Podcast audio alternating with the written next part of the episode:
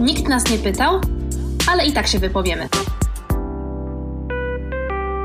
Dzień dobry, dzień dobry, drogie słuchaczki i drodzy słuchacze. Tutaj Kasia, to kolejny odcinek podcastu Nikt nas nie pytał, ale i tak się wypowiemy. I ten odcinek jest też specjalny, jak zawsze. Jest specjalny dlatego i wyjątkowy, że po raz pierwszy w historii tego podcastu nie usłyszycie Agnieszki ani Lindy i jej chrapania. Natomiast ten odcinek jest dla mnie też bardzo wyjątkowy, bo mam ogromną przyjemność gościć tutaj na antenie naszego podcastu Gosię Bartosi. Cześć Gosiu. Cześć. Zacznę od tego, że trochę Gosię przedstawię. Gosia miała wczoraj urodziny. Skończyła 34 lata. Przepraszam, że ujawniam twój wiek. Ujawniaj, ujawniaj. Dzisiaj tutaj parę rzeczy ujawnimy. Wczoraj miała urodziny, pochodzi z Płocka, ale od wielu, wielu lat mieszka i tworzy w Poznaniu. Jest absolwentką i doktorantką Poznańskiego Uniwersytetu Artystycznego. Tam ukończyła studia na Wydziale Malarstwa i Grafiki Warsztatowej. Zgadza się? Tak, wszystko się zgadza. Wszystko się zgadza. Jak tam z tym doktoratem? Ostatni rok mi został tego doktoratu. No dobra, to trzymamy kciuki. No i Gosia jest malarką, rysowniczką, graficzką, jest też animatorką kultury, edukatorką kultury, bo oprócz swojej sztuki robi też różne zajęcia, spotkania rysunkowe, warsztaty i jest też mamą sześcioletniego Jurka? Sześcioletniego Jurka. Sześcioletniego Jurka. Gosia jest tutaj z nami w ramach takiego mojego prywatnego projektu Support Your Local Artist. Mogę też powiedzieć, że to też coś ujawnię o sobie. Mam kolekcję, którą zatytułowałam sobie All My Friends Are Artists. Jestem szczęśliwą posiadaczką rysunku Gosi. Żeby tak jeszcze dopełnić trochę Gosi przedstawienia, chciałam powiedzieć, że jej pracę możecie sobie znaleźć w sieci, bo jestem pewna, że będziecie chcieli zobaczyć, co tam Gosia maluje i rysuje, więc polecam jej bloga, który jest na Tumblr. Zgadza się? Zgadza się. Posoka, tak się nazywa. Na Instagramie też można znaleźć Gosię Bartosik, na Facebooku też można znaleźć Gosię Bartosik. Jest wiele publikacji, w których można znaleźć Gosię Bartosik. Wszystko podlinkujemy pod opisem odcinka. Nie tak wiele, nie przesadzajmy już z tą wielością. No już nie bądź taka skromna. Chciałam też w ramach twojego przedstawienia, Gosiu, zacytować tutaj tekst, który znalazłam na stronie MSN-u. W zeszłym roku brałaś udział w bardzo fajnej wystawie. Tak ciebie tam opisali. Jej obrazy łączą w sobie surowość i prostotę graficznego skrótu z enigmatyczną grą barw i kształtów balansujących na granicy figuratywności i abstrakcji. Na płótnie autorka mierzy się z własną biografią, faktem bycia kobietą i rolami, jakie w związku z tym są jej przypisywane. Cytuję ten właśnie fragment, bo o tym też chciałabym z Tobą, Gosiu, dzisiaj rozmawiać. Mam pierwsze pytanie do Ciebie. Czy chciałabyś coś dodać o sobie? Myślę, że to przedstawienie było bardzo wyczerpujące. Nic dodać, nic ująć. To dobrze. To w takim razie zaczynamy właściwą część podcastu. Ja sobie tak wymyśliłam, Gosiu, że chciałabym Cię zapytać o trzy wystawy i ich konteksty. Pierwsza to najświeższa, czyli miałaś niedawno wystawę Dzień Dobry. Tak, miałam dzień dobry. Jeszcze trwa. Jeszcze trwa. Jeszcze trwa do 29 listopada, ale z racji wprowadzonych obostrzeń nikt nie może jej zobaczyć. Może coś powiesz o tym, jak to wpłynęło na ciebie, cała ta pandemia i te wszystkie obostrzenia? Zaczynając od właśnie Dzień Dobry. Dzień Dobry jest wystawą porezydencyjną. Rezydencja Galerii Miejskiej BWA Bydgoszcz rozpoczęła się w marcu i miała trwać miesiąc, ale też z wiadomych względów, właśnie została przerwana w połowie i z miesięcznego projektu rezydencyjnego zrobił się prawie dziewięciomiesięczny, nawet nie prawie, dziewięciomiesięczny projekt tejże rezydencji, podczas której właściwie nie byłam już w Bydgoszczy, tylko pracowałam w ramach lockdownu w domu w Poznaniu, również nad tym projektem i nad pozostałymi innymi. Właściwie projektem tej rezydencji był projekt Rysunek jako ruch oporu i zaczęło się wszystko od tego. To jest też tytuł naszego odcinka dzisiaj. Tak, tak, tak, to jest tytuł Rysunek jako ruch oporu. Ten miesięczny program był dosyć bogaty, ponieważ wymyśliłam warsztaty pod tytułem Lekcje rysunku. Jeździłam po szkołach średnich do liceów, które miały ochotę mnie zaprosić i tam, słuchajcie, prowadziłam lekcje. Było to dziwne, ponieważ, znaczy się dziwne w tym sensie, że gościłam w szkole nie jako uczennica w szkole średniej, tylko byłam po drugiej stronie biureczka nauczycielskiego. Ta 45-minutowa lekcja jednak trwała trochę krócej z perspektywy perspektywy pani nauczycielki. To był jeden z, jeden z takich projektów, który się wydarzył w ramach tej rezydencji. Też nie do końca, ponieważ te lekcje też zostały przerwane i właściwie projekt się odbywał już w domu. Trochę się przeistoczył i ten początkowo bardzo silny ruch, bunt, opór, ruch tego oporu trochę się przedefiniował. Stąd dzień dobry. Dzień dobry w ogóle może tą stronę buntowniczą zmienia w taką mniej krzyczącą, mniej walczącą, ale bardziej zachęcającą do skupiania się czy zauważania również w tym buncie tych dobrych stron, dobrych stron buntu, w tym sensie, że dobrego dnia, albo żeby również nie zapominać o tych miłych, prostych rzeczach. Czyli takie dzień dobry na przekór tej okropnej rzeczywistości. Może nie na przekór, to raczej nie na przekór, bardziej na zasadzie współdziałania również z tym oporem, żeby nie zapominać o tym, że to też jest w sumie ważne, również łączące, spajające jakoś i, i dodające otuchy również do tej strony walecznej, ponieważ... Dzień dobry, tu rewolucja.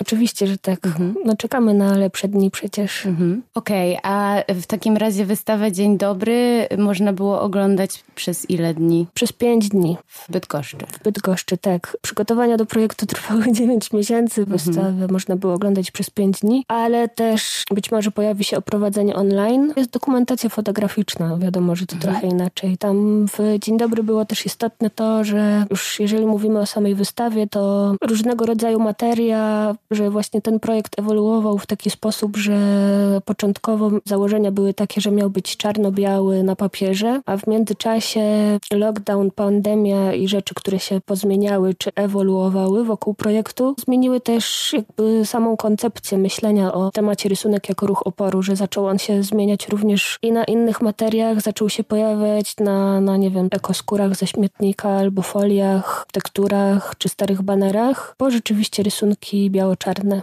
ale mhm. pojawiały się i kolaż, i szmaty, i bardzo dużo innych rzeczy.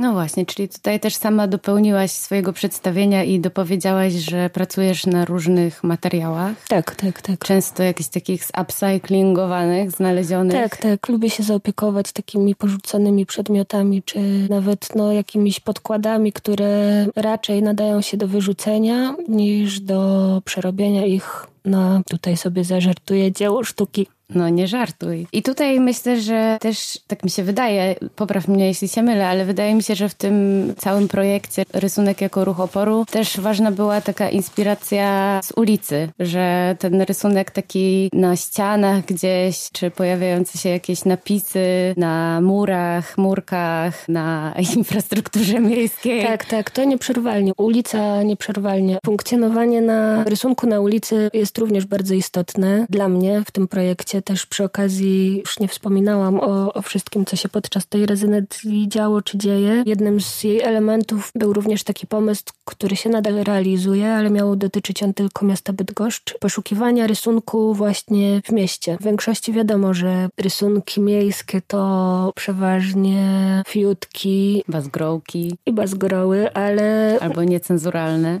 Tak, no przede wszystkim niecenzuralne. To jest naj, najbardziej apetyczne mhm. w tych rysunkach na ulicy, ale zdarzają oporowość się w tym właśnie też ujawnia dla ciebie? Może nie tyle oporowość, to jednak jest to forma taka pomiędzy właśnie takim myśleniem o rysunku ulicznym, który rzeczywiście manifestuje, protestuje i, i wyraża jakiś sprzeciw, pożart. Właściwie zauważyłam, że czemu ten członek męski się pojawia bardzo często. On mhm. już nie wydaje się nawet być wulgarny, a... Bo jest oswojony. Bo jest oswojony. Nie I ma... taki śmieszny w sumie jest ten One rysunek. zazwyczaj są bardzo zabawne Znajdowałam ich naprawdę bardzo dużo różnych, więc cieszę się, że rysunkowa wyobraźnia również pracuje nie tylko w szkołach artystycznych, ale również na ulicach. I zdokumentowałaś też dużą część tych rysunków na Instagramie chyba, nie? Tak, tak. To się dzieje cały czas. Poza Bydgoszczą przechodzi również w inne miasta, miejsca, w których się znajduje. Trochę jest to może nie tyle trudne czy ciężkie, ale w czasie ograniczeń i raczej konieczności siedzenia w domu niż, niż łażenia po ulicach i robienia zdjęć różnym rysunkom na murach. Mogłoby być, wydaje mi się, lepiej i bogatszy byłby ten materiał, ale no, koniec rezydencji nie oznacza, że to też umrze. Może to też być kontynuowane. Też y, tym projektem właśnie chciałam pokazać, że, że właściwie to, że rysunek, niezależnie już jak, jaką on przybierze formę na ulicy, czy to będzie słoneczko, czy uśmiechy, czy dorysowywanie niektórych rzeczy gdzieś tam na plakatach czy banerach, na twarzach właśnie modeli, zamalowywany ząb, że to nie jest nic złego chyba. Wrócę do samego tytułu. Rysunek jako ruch oporu. Tym właśnie dla ciebie jest rysunek? Jest jakimś buntem? Rysunek nie jest buntem dla mnie, jest raczej przyjaciółką, jest też moim narzędziem pracy i obiektem pracy, jest moją pracą właściwie. Zajmuję się nim od dłuższego czasu, o tym też robię doktorat, o tym też robię różne inne projekty. Jest też dla mnie dobrym sposobem wypowiedzi, bo jeżeli chodzi o, o wypowiedź w języku wizualnym, tak mogłabym powiedzieć, że to umiem robić, no i robię. No. A wolisz rysować czy malować? Właśnie z tym moim malarstwem jest tak, że tutaj malarka, tutaj e, byłam też właśnie, jak wspomniałaś, zaproszona do farby, to wspomniałam właśnie też o, o tej farbie, bo wystawa ta dotyczyła samego malarstwa, malarki były zaproszone, a moje malarstwo jest trochę właśnie, nazywam je czasami malarstwem rysunkowym, bo się często posiłkuję w moich pracach malarskich rysunkiem, który nie jest tam zdobniczy jako forma zdobienia w tym, w tym malowaniu, ale jest mi niekiedy niezbędny. Potrzebuję go tam, żeby domknąć to. To się, to ewoluuje, to malarstwo. Jest bardzo różne.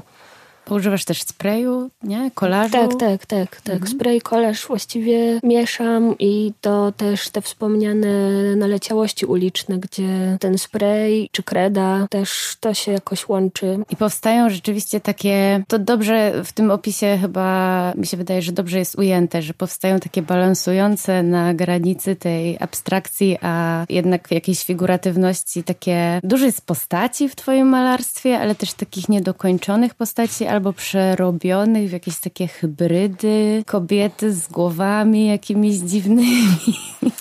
Właściwie, no to tak, tak. Jak sobie można rzucić na to okiem i, i, przejrzeć, jak to wygląda, to te postacie tak rzeczywiście są i nie wiadomo do końca, czym lub kim one są. Na ile jest to ogólnie człowiek, na ile jest to bardziej postać jakaś kobieca czy zwierzęca, że to jest wszystkiego po trochu. Właściwie nie wiadomo, co ostatecznie, że e, są rzeczywiście momenty, kiedy ta postać kobieca wybrzmiewa mocno, z bardzo wyraźnie zaznaczonymi kobiecymi elementami cielesnymi, typu ostre cycuszki albo vulwa. No ale te postacie są rzeczywiście różne i, i niedefiniowalne. No zależy, zależy od, od, tego, co się dzieje. A kiedyś, jak rozmawiałyśmy, jak cię odwiedziłam w twoim mieszkaniu slash studiu, powiedziałaś też kiedyś o swoim malarstwie że i rysunku, że są dziecięce. I chciałam Cię zapytać, czy rysujesz ze swoim synem i czy jakoś inkorporujesz też tę czynność, jakby wykonywaną z dzieckiem, albo jakieś swoje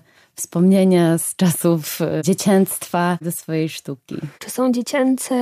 Nie wiem, może trochę dziecinne, ale na zasadzie takiej, że właśnie to malarstwo na przykład nie jest tak profesjonalne, że profesjonalne właśnie, jak, jak definiować profesjonalne malarstwo. To moje malowanie, gdzie jeszcze wypełniam sobie kredeczką albo maluję pędzlem jak kredeczką, to jest trochę, mam wrażenie, dziecinna zabawa, ale jeżeli Julian pojawia się w studiu, czy właśnie coś dostaje do ręki, żebyśmy sobie rysowali. To tak, rysujemy wspólnie. On mnie zaprasza do tego, żebym coś narysowała. Jest już na takim etapie, że już spray ma doskonale opanowany, pędzel również. Właśnie takie podkłady, które gdzieś tam zbieram z różnych miejsc, szczególnie jak wystawiają wielkie gabaryty, to, to jest dużo podkładów do malowania. Przynoszę je do domu i Julian wtedy kładzie, można by powiedzieć, pierwszą warstwę, bo wtedy szaleje ze sprayami. Jest współtwórca współtwórcą. Jest współtwórcą niektórych prac, tak, tak. Ostatnio właśnie udało mi się z,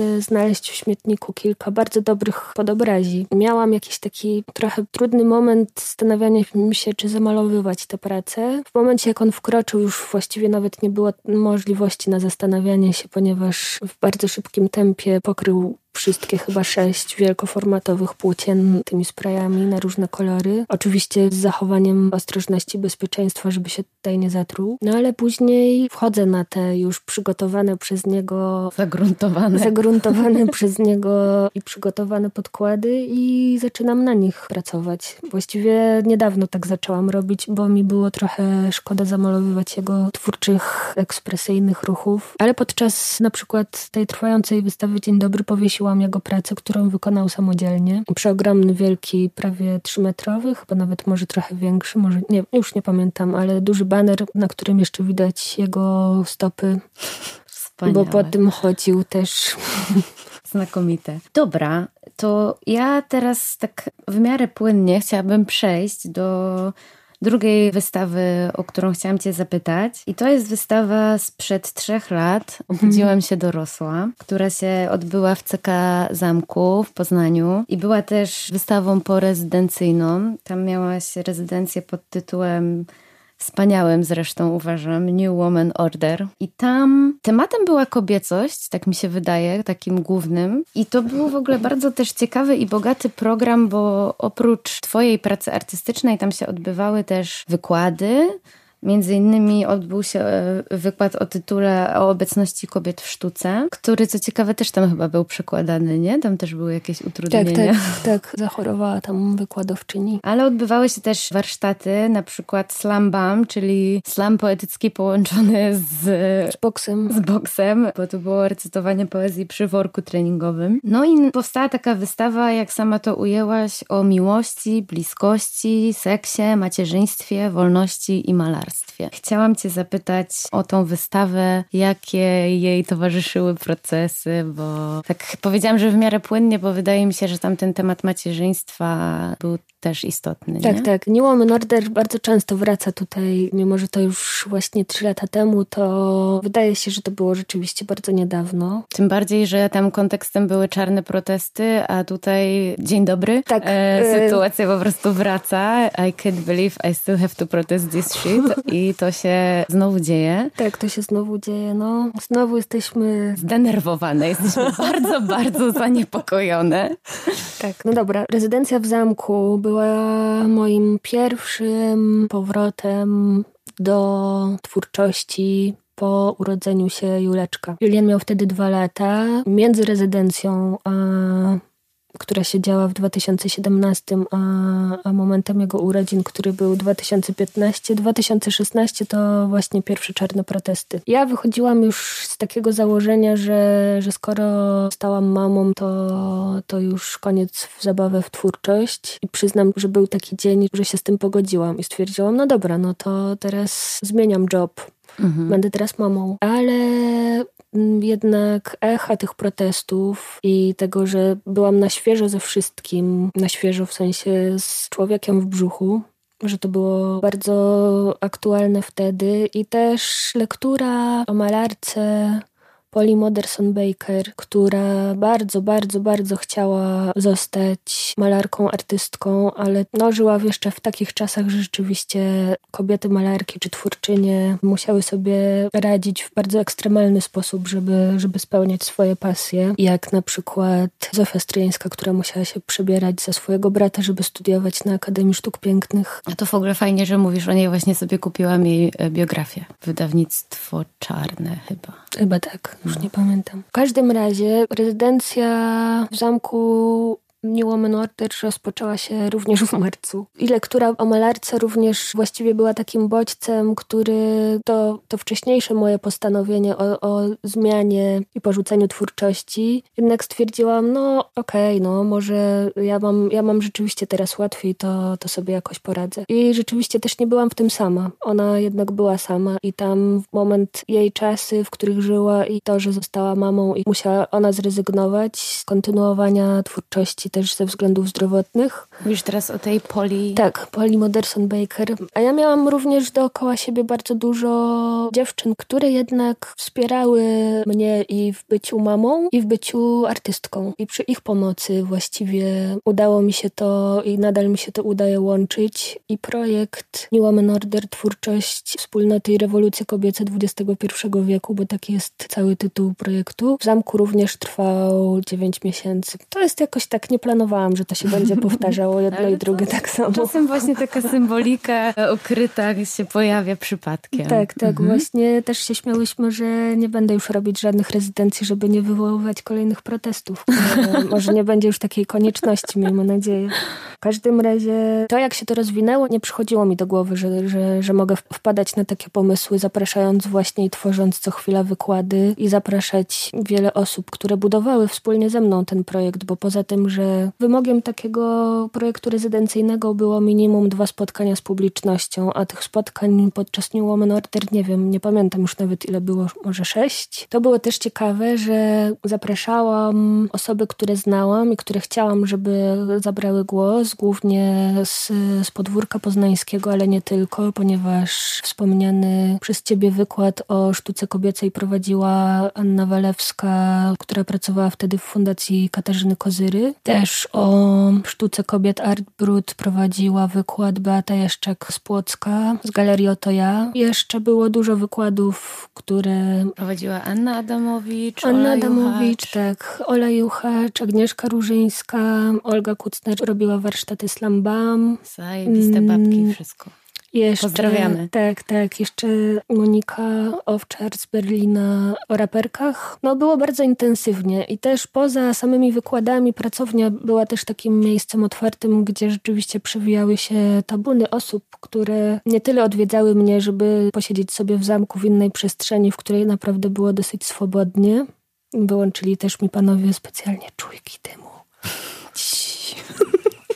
żeby co chwila nie przychodzić. Było bardzo swobodnie i gościnnie też. Gdyby zamek był otwarty 24 godziny na dobę, to myślę, że tam naprawdę zrobilibyśmy coś, co huczałoby jeszcze bardziej, ale niestety tylko w godzinach pracy mhm. zamku. I też każdy z gości, z gościń, jak przychodzili, to i zasiadaliśmy do, do mojego biurka, który był jednocześnie dużym stołem, to każdy coś tam bazgrał. Z tego też powstał projekt taki, że zebrałam te wszystkie rysunki, które powstawały przez przez osoby, które mnie odwiedzały. Powstał z tego zin, trochę jakby księga obecności, ale nie każdy wtedy, nie każdego wtedy zachęcałam do, do rysowania. Teraz Teraz robię to częściej. Mhm. No i powstała też praca z rajstop. A tak. Co w ogóle kocham ten pomysł, bo rajstopy są moim zdaniem też jakimś takim symbolem opresji wobec kobiet, bo są niewygodne. Są też trochę obleśne niektóre. Są trochę obleśne. Poza tym kupujesz takie rajstopy, wiesz, kolor cielisty, bo idziesz na wesele albo na pogrzeb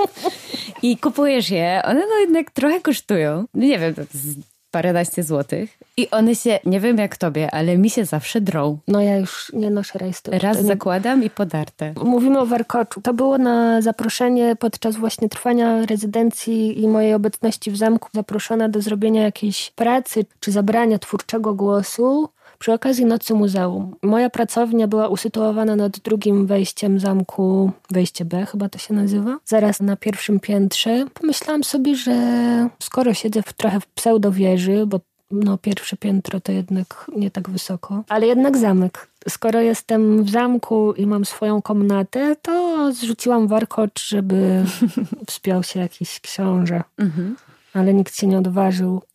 Zresztą tą książę. I, no i słuchajcie, słuchajcie, było mm, akcja zbierania rajstop. Na początku rzeczywiście wzbudzało to kontrowersje, bo nawet przy kasie, przy wejściu głównym do zamku nie chciały panie postawić tego pudełka, bo się brzydziły.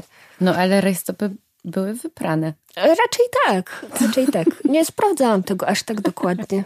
Nie wąchałaś. Było ustawione również pudełko w psie andaluzyjskim. No, gdzieś tam jeszcze, obok mojej pracowni również. I nagle rzeczywiście zaczęło to tak funkcjonować, że spływało ich coraz więcej i więcej i więcej i więcej. Był również śmieszny moment, ponieważ jakiś pan się do mnie odezwał z hurtowni Rajstop w Łodzi, który miał ich mnóstwo z takich, które się nie nadawały na sprzedaż, z jakimiś mhm. tam błędami, różnymi złymi zszyciami i tak dalej, i tak dalej. I on koniecznie chciał, słuchajcie, jak już ten warkocz powstał, bo zaraz jeszcze powiem, jak wyglądała praca nad nim, to on koniecznie chciał wjechać z kamerą ustawić dookoła tego warkocza banery z jego firmą. Oczywiście. I zrobić właśnie reklamę, reklamę Rajstop przy okazji mojej pracy, ale no nie udało nam się spotkać. Nie wiem, czy był. Ale wysłał te rajstopy. Wysłał, wysłał parę kartonów. To było naprawdę urocze. No i później w momencie zebrania już naprawdę sporej ilości góry Rajstop, ogromnej, ogromnej góry rajstop, używanych i nieużywanych. Poza obleśnością jest, jest tam jeszcze, towarzyszy temu jakiś dziwny fetysz. I tak jak wspomniałaś, mieszane uczucia wobec mhm. rajstopy. No w każdym razie nastąpiła selekcja kolorystyczna, później nastąpiła selekcja dzielenia włosów, w cudzysłowie, ale trzy części do warkocza, które zajęły jeden cały długi korytarz.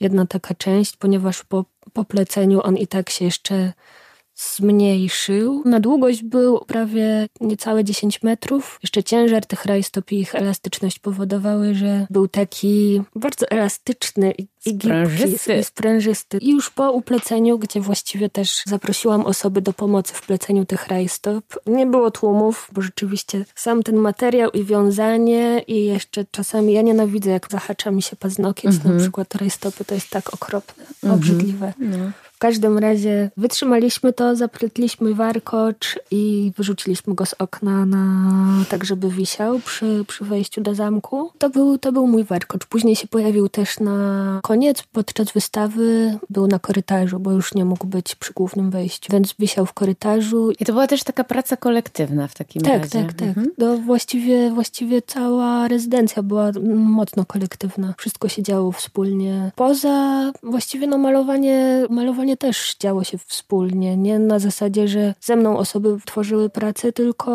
czasami się zdarzało, że jak ja pracowałam, to w pracowni też znajdował się ktoś, kto sobie robił coś swojego. Ale przeważnie pracę na, na wystawę robiłam w samotności i w nocy, bo w ciągu dnia... Było za dużo gości? W ciągu dnia tak, cały czas ktoś przychodził. Co było miłe, ale jednak no, trzeba było się wywiązać do końca z projektu i zrealizować to, co według umowy było do rozliczenia czyli ta wystawa końcowa, więc nocne życie w pracowni zamkowej było równie intensywne, co, co sam program. Mhm. Wydaje mi się też, że te takie spotkania i współtworzenie to też jest dla ciebie ważne w twojej praktyce artystycznej. Tak, to jest i ważne, i dodające i otuchy, i pomysłów, i odwagi, i chęci do robienia rzeczy, jak się sami napędzamy i nakręcamy i właściwie wspólnie pracujemy nad czymś, to chce się bardziej i właściwie tak spontanicznie pojawiały się te pomysły na, na te spotkania kolejne, bo jak wspomniałam, że miały być minimum dwa, a zrobiła się z tego co chwila spotkanie na spotkanie. Już był pewien miesiąc i były to miesiące letnie, że były wydarzenia co tydzień. I to już rzeczywiście wdrożyło się w taki kalendarz, że wszyscy byli przyzwyczajeni, że w środę o tej o tej godzinie, bo przeważnie były to środy, dzieje się coś w zamku w ramach mojej rezydencji i są to tematy wokół czy sztuki kobiet, czy aktualnych właśnie problemów, ekofeminizmu na przykład, który nie jest problemem, ale tematem, w tym sensie mówię o nim. Czy warsztaty Bravo Girl, Bravo Boy. Olgą Bejgą chyba, nie? Z Olgą Bejgą, tak. Też pozdrawiamy. Też pozdrawiamy i, i całujemy. Więc ta kolektywność wzbogacała. Wzbogacała i generowała coraz to nowe pomysły, które się też realizowały. Też nie było z tym najmniejszego problemu, że jeden po drugim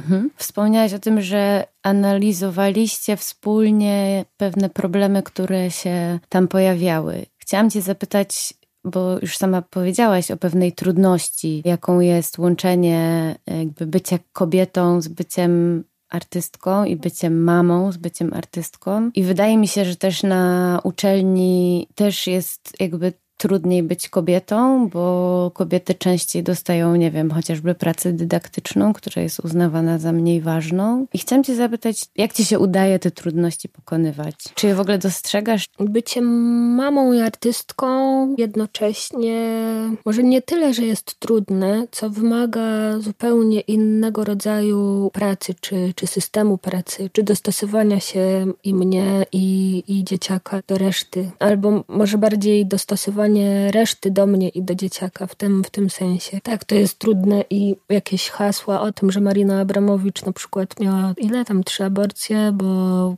wiedziała, że musi się skupić na sztuce, a łączenie macierzyństwa i sztuki jest w ogóle nie, nie do zrealizowania. To zadajesz temu kłam, bo jest do zrealizowania. Nie jest do zrealizowania, no jest do zrealizowania. Że Marina ogarnie się.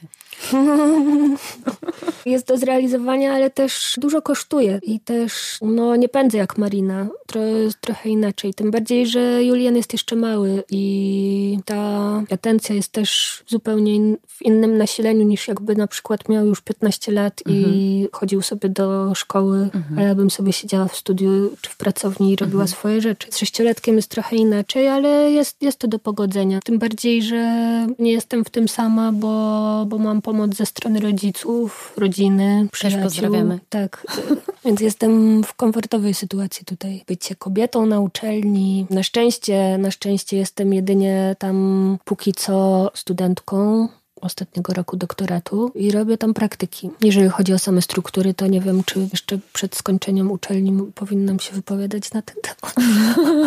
Dobra, to zostawmy to. Natomiast... Ale, y, ale co mhm. jest właśnie istotne, jak wspomniałam o tej Ani Walewskiej i fundacji Katarzyny Kozyry, były właśnie dziewczyny z fundacji prowadziły takie badania o ilości kobiet na uczelniach artystycznych, jak to mhm. wygląda, ilu jest jeszcze zasiedziałych starych profesorów, którzy nadal są na uczelni uczelni i protegują swoich kolegów młodszych. Znam wiele już dziewczyn, które się przedostają do struktur uczelnianych, ale jest też równie wiele tych, które się przedostać nie mogą, mimo że mają równie dobre zaplecze i wiedzę podczas kandydowania na niektóre stanowiska, jednak ich nie dostają. Może się to zmieni, może na łapie też będzie niedługo rektorka. No może. Pożyjemy, poczekamy, zobaczymy, ale jest coś takiego, że w tym zarówno świecie uczelnianym, jak i w art worldzie tych kobiet jest wciąż mniej. Teraz chciałabym przejść właśnie do ostatniej wystawy, o której chciałam z Tobą porozmawiać, czyli właśnie do Farba znaczy krew, która się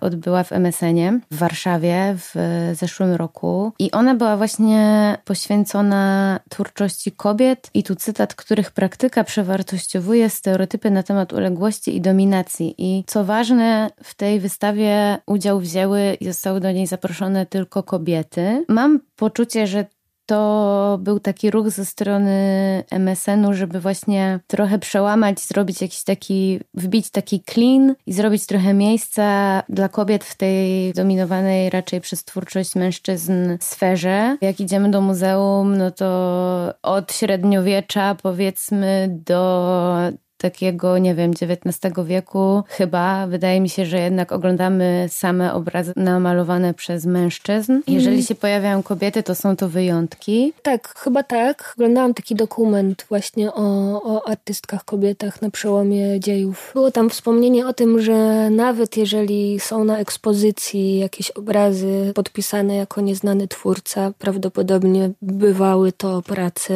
wykonane przez, przez kobiety. W samych archiwach muzealnych jest mnóstwo szuflad wypełnionych pracami od artystek, malarek, rzeźbiarek, że one są.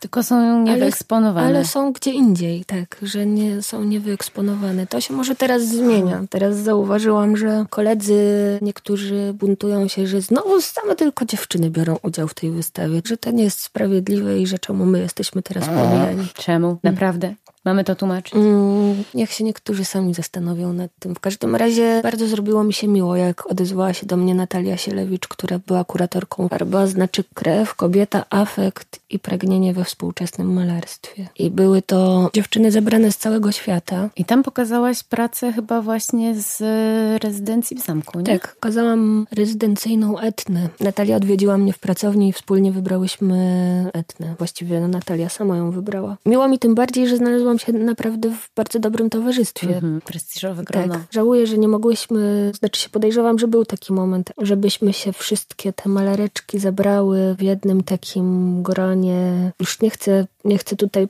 jakiegoś podpowiadać, że to mogłyby być jakieś czarownice czy coś, ale byłoby to naprawdę chyba szalone spotkanie, bo tak jak różna ta twórczość malarska i różne, różne właśnie formy wypowiedzi i ich dobór, jakiego dokonała Natalia, którą też pozdrawiamy, to naprawdę myślę, że to był super wybór. Jeszcze jakbyśmy się miały zobaczyć na żywo, to podejrzewam, że nie wiem, co by z tego wyszło, ale mam przeczucie, że mam przeczucie, mam przeczucie, że ta krew farbiana eksplodowałaby tak jak ta etna, tak mhm. delikatnie, to byłoby jeszcze bardziej grubo niż, niż u etny. No właśnie, bo jest ten tytuł Farba znaczy krew, czyli jakby w języku myśliwych mhm. mówi się o tym, że farba, że widzą farbę gdzieś tam idą po tropie, co w ogóle no. się też fajnie łączy z tytułem twojego bloga na Tumblr, Posoka. Też, to też. Posoka się w ogóle urodziła zaraz po studiach, więc nie był to tytuł tworzony na, na poczet farby, ale przy okazji farby jeszcze właśnie kiedy podczas trwania wystawy był też program kuratorski taki, że dziewczyny, które miały możliwość oprowadzały również po wystawie i opowiadały o swoich pracach. No i nie tylko. I też poza oprowadzaniem przez malarki był cały bogaty program z zaproszonymi gościniami i gośćmi. W każdym razie wiem z przecieków, że na oprowadzanie, jak prowadzały malareczki, to były tłumy. Gdy pojawiały się gadające głowy, to było trochę mniej osób, bo jednak mhm. uzyskiwanie informacji bezpośrednio o tym, jak się pracuje z farbą, czyli tą trochę krwią na płótnie, czyli na trochę takim żywym mięsie. Akurat etna była robiona moja na styropianie, ale że to nawiązanie, że farba, która ma swoją taką konsystencję, płynność, gęstość, intensywność, kolor, połysk, zapach, krew, która również ma swoją intensywność, płynność, kolor, zapach, kobieta, czyli może się kojarzyć również i z krwią menstruacyjną mhm. i te mhm. płyny, zarówno i orgazmy kobiece, i wytryski, mleko z piersi, czy ślina, to się wszystko jakoś tak, jest to bardzo organiczne i, i fizyczne dla mnie i w samym tytule też się odnajdywałam i właściwie też chciałabym w ten sposób mówić i czytać o, o tym swoim malowaniu i malarstwie, że jest to bardzo takie. Nie chciałabym powiedzieć, no dobra, chciałabym, że może rzeczywiście jest trochę fizjologiczne to mhm. malowanie i kojarzenie właśnie tej mięsistości, tego medium, jak ono jest wykorzystywane przez, czy przeze mnie, czy wspomniane artystki inne. Nie wiem, było tam około stu artystek. Wow. I można też obejrzeć, no bo MSN ma bardzo dobre dokumentacje tak, swoich tak, wystaw, tak, tak, nie? Tak. Więc można, to też podlinkujemy. Można to obejrzeć i ten katalog chyba też jest e, online do zobaczenia. No. To, to też polecamy. A skoro już tak zawędrowałyśmy na fizjologiczno-cielesne, krwiste tematy, to przecież ty jesteś też tatuatorką. I ten rysunek na ciele też jest swoim medium wyrazu. Tak, tak. To jest zupełnie inna praca niż malarstwo i rysunek na kartce czy, czy płótnie. Inna praca niż rysunek uliczny czy malowanie na ulicy. Jednak to dotyka no, drugiego człowieka i tego ciała nie tylko mojego. Zostaje na zawsze. I no, zostaje na zawsze. Do końca życia. No.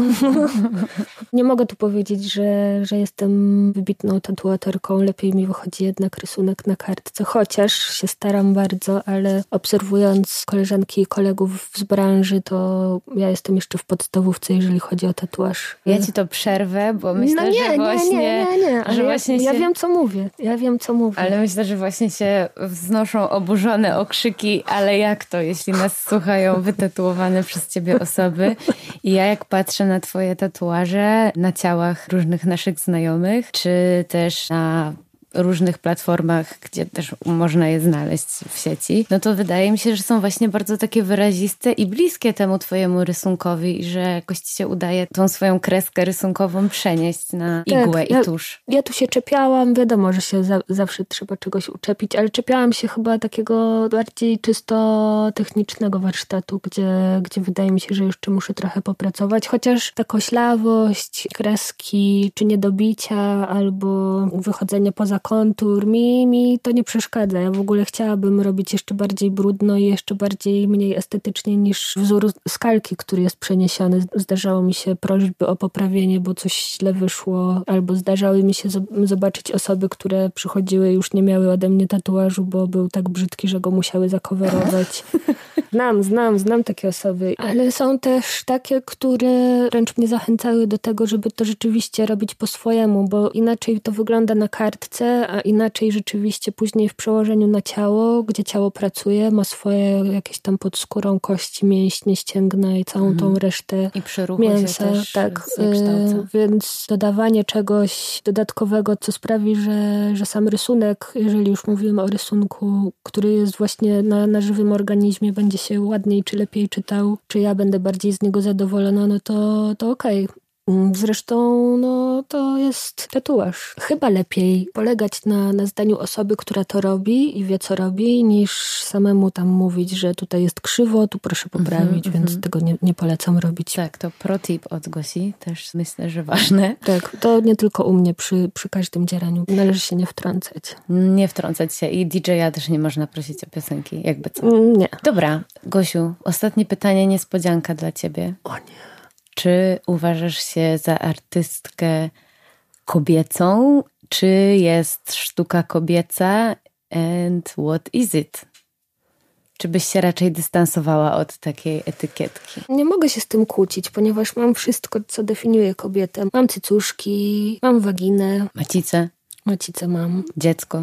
dziecko, leciało mi mleko z piersi. No dobra, ale to jesteś kobietą, ale czy jesteś artystką kobiecą? Czy w ogóle ta kategoria dla ciebie coś znaczy, kobieca? No, jestem sztuka? artystką kobiecą w tym sensie, nie, nie, nie, nie odpowiem na to od razu, będziemy do tego docierać. Jestem artystką kobiecą, bo w sumie czerpię z tego swojego doświadczenia i cielesnego i opowiadam o tym w rysunkach, z doświadczenia seksualno-eretyczno-perwersyjno-cielesnego cielesnego, że to też o tym opowiadam w swojej twórczości i ten temat bardzo lubię. Nie dlatego, że mam jakieś niezaspokojone rządy, ale jednak jest to dla mnie forma ilustrowania miłości w takiej najczystszej postaci, że nie jest niczym złym dotykanie drugiego człowieka, czy dawanie drugiej osobie dotyku, całowanie się z kimś i cała reszta po całowaniu. To są takie, tutaj temat tej seksualności odczytuję i chcę, żeby był odczytywany właśnie jako definiujący bardziej miłość i obdarowywanie się przyjemnościami mhm. niż prowokowaniem i zaznaczaniem, że tylko fiutki, cipki są tutaj najistotniejsze, bo bo,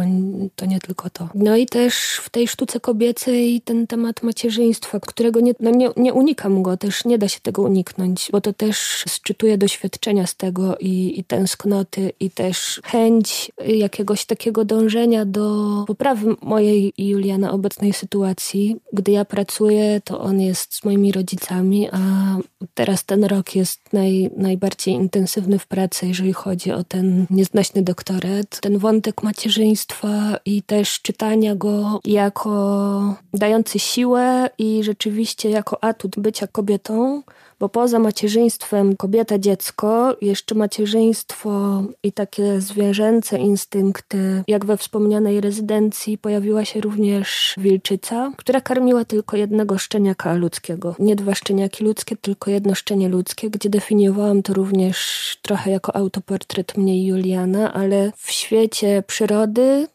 jeżeli jakaś tam suka czy samica zostają same z młodym, to muszą mieć naprawdę bardzo podzielną uwagę na to, żeby zdobywać jedzenie, żeby chronić dzieciaka, żeby mieć czas na zabawę i pokazywanie, jak go nauczyć i dostosować go do życia w dorosłości, więc jest to też trochę przełożenie na naturę, o której tutaj mało mówiłyśmy, ale to jednak też się wiąże z takimi, etna też jest przecież taką informacją czy przypomnieniem o naturze i o siłach tej natury, że tutaj definiuje też kobieta, natura, siły natury, czy wszystkie również też przekładam ten świat, świat przyrody na jakąś taką fizyczność. Czyli wszelkie skojarzenia też z płodnością i... Tak, tak, tak. Mhm. Z dawaniem życia, wiosna, puszczające pączki, czy zapylanie przez pszczoły. No to wszystko też dotyczy miłości życia, czy tam pragnienia życia jakiegoś takiego lepszego. Czy sztuka kobieca? No chyba tak, no jest, jest coś takiego jak sztuka kobieca. Wykorzystywanie właśnie, czy poleganie na, na,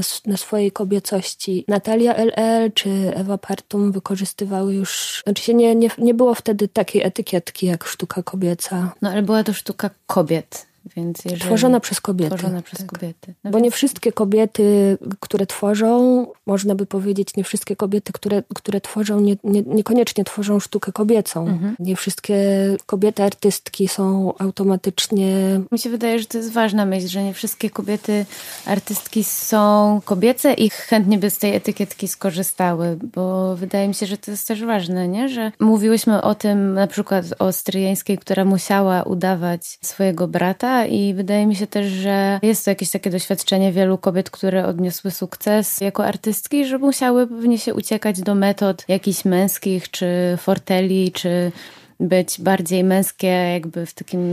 No mm, właściwie nie wiadomo, do jakich metod musiały uciekać, żeby móc spełnić, nie, nie wiem, no pracować tak, jakby chciały pracować, mhm. że jednak wywalczyły to sobie jakoś, czy musiały wywalczyć. Mhm. No teraz w dzisiejszych czasach jest może trochę inaczej, ale jednak taka widzialność, no nawet teraz ja cały czas słyszę, że jednak jest to nie do pogodzenia bycie mamą i artystką. Mhm że albo to, albo to, bo i to, i to zabiera dużo czasu, dużo emocji, pracy. Ja to wiem o tym mhm. chyba najlepiej ze wszystkich, którzy mi radzą. No to, jak to wygląda z boku, mnie to nie obchodzi. Obchodzi mnie bardziej to, co ja robię i staram się to robić najlepiej, nie tylko, nie tylko żeby zaspokoić swoje jakieś pragnienia twórcze, czy żeby się spełnić w tym, ale żeby z myślą również o dzieciaku przede wszystkim. A to, czy ktoś tam powie, że jestem złą mamą, to już jak sobie gada nawet jeszcze inne rzeczy. Nie rusza mnie to naprawdę. No to też jest takie częste chyba, wydaje mi się, że często matki się z tym spotykają, że im się mówi, jak mają wychowywać swoje mhm. dziecko i każdy ma 100 złotych porad, a to powinnaś robić inaczej, a tu, a coś tam, a nie dawaj mu cukru, a twoje dziecko, nie wiem, jeszcze nie chodzi i coś tam, coś tam, coś tam i jakby ciągle w tej roli też jesteśmy oceniane, a tak naprawdę chyba tylko matka wie, co jest dla jego dziecka najlepsze i tylko tatuator wie, jak powinien wyglądać tatuaż i tylko artysta wie, jak powinna wyglądać jego sztuka. Tak mi się wydaje. No ja chyba na tym bym chciała dzisiaj zakończyć. Chyba, no, że chcesz, Gosiu, coś jeszcze powiedzieć słuchaczom i słuchaczkom. Nie mówiłyśmy jeszcze o sytuacji protesty z wtedy i protest z teraz. Mhm. Podczas montowania wystawy Dzień Dobry, którą właściwie w bardzo dużej części musiałam zrealizować sama ten montaż. Powiem wam, że miałam taką zagwozdkę, ponieważ odbywało się to w czasie tego głównego strajku w środę i ja siedziałam tam w galerii, przybijałam gwoźdźmi swoje rysunki i zaraz obok y, Galerii Miejskiej BWA w Bydgoszczy jest duży kościół. Gdy wychodziłam na przerwę na papieroska, to tłumy skandowały. Mhm i krzyczały. I miałam takie poczucie, że chyba trochę mnie nie powinno być w galerii i rzeczywiście powinnam być na ulicy, zmieniać rzeczywistość, czy walczyć razem z pozostałymi i krzyczeć, że skoro rysunek jako ruch oporu, to... Coś narysować na tym kościele. No nie tyle, nie tyle narysować na tym kościele, co właściwie rysunek jako ruch oporu też wziął się z tego, że ja mam problemy z krzykiem. Rzadko, rzadko krzyczę, praktycznie w ogóle i też cicho mówię. Miałam właśnie zagwostkę, gdzie mam być i czy da się mnie rozerwać, żeby być i tu, i tu. I jednak się nie dało, bo projekt trzeba było powiesić, żeby, żeby został on rozliczony, ale dodałam tam coś od siebie właśnie w ramach aktualnych protestów i strajków i rzeczywiście tego oporu i buntu na to, co się dzieje teraz. No, ja się z tym też nie zgadzam. Bardzo się cieszę, że mamy naprawdę w sobie tyle siły i, i się mobilizujemy wzajemnie, że rzeczywiście teraz to się dzieje i może oczywiście już nie trzeba będzie robić kolejnej rezydencji. Nie chciałabym wywoływać kolejnego strajku, chyba że do świętowania to na jakąś zmienię taktykę i będzie przy okazji parad miłosnych będę robić projekty i wystawy. O, pięknie. No miejmy nadzieję, że rzeczywiście ten nasz opór, który wyraża się teraz na ulicach, no że on coś zmieni. Tak, ja jeszcze tylko jedną rzecz dodam. Mhm. A propos samego rysunku. Chciałabym właśnie zachęcić też do rysowania, bo jest dużo czegoś takiego. Dużo koleżanek i kolegów mówi, jak przychodzą do mnie, że nie, nie, nie, nie, ja nie umiem rysować. Powiem wam, że to jest małe kłamstewko, bo każdy potrafi, tak jak każdy potrafi jakoś tam gadać, każdy potrafi jakoś tam pisać i jest to też no, charakter pisma, bla, bla, bla, sposób mówienia, to tak samo się to przekłada na, na rysunek. A jeżeli chodzi o rysunek i tego, że się tak go przyczepiam, poza tym, że robię o tym doktorat, to też samo rysowanie, niekoniecznie kolorowanki, ale uruchamia ośrodek nagrody, daje dużą satysfakcję i przyjemność i też pozwala inaczej obserwować rzeczywistość, która jest tu dookoła nas, że zwraca się uwagę również na inne, na inne detale świata i na inne szczegóły i można naprawdę się przy tym dobrze bawić, więc rysujmy. Rysujmy, protestujmy, protestujmy i się kochajmy. I się kochajmy. Dziękuję Ci bardzo, Gosiu, za tą rozmowę. Bardzo proszę, ja też dziękuję. To do usłyszenia. Do usłyszenia. Nikt nas nie pytał, ale i tak się wypowiemy. Producentem podcastu jest Estrada Poznańska. Wszystkie odcinki znajdziesz na estrada.poznan.pl.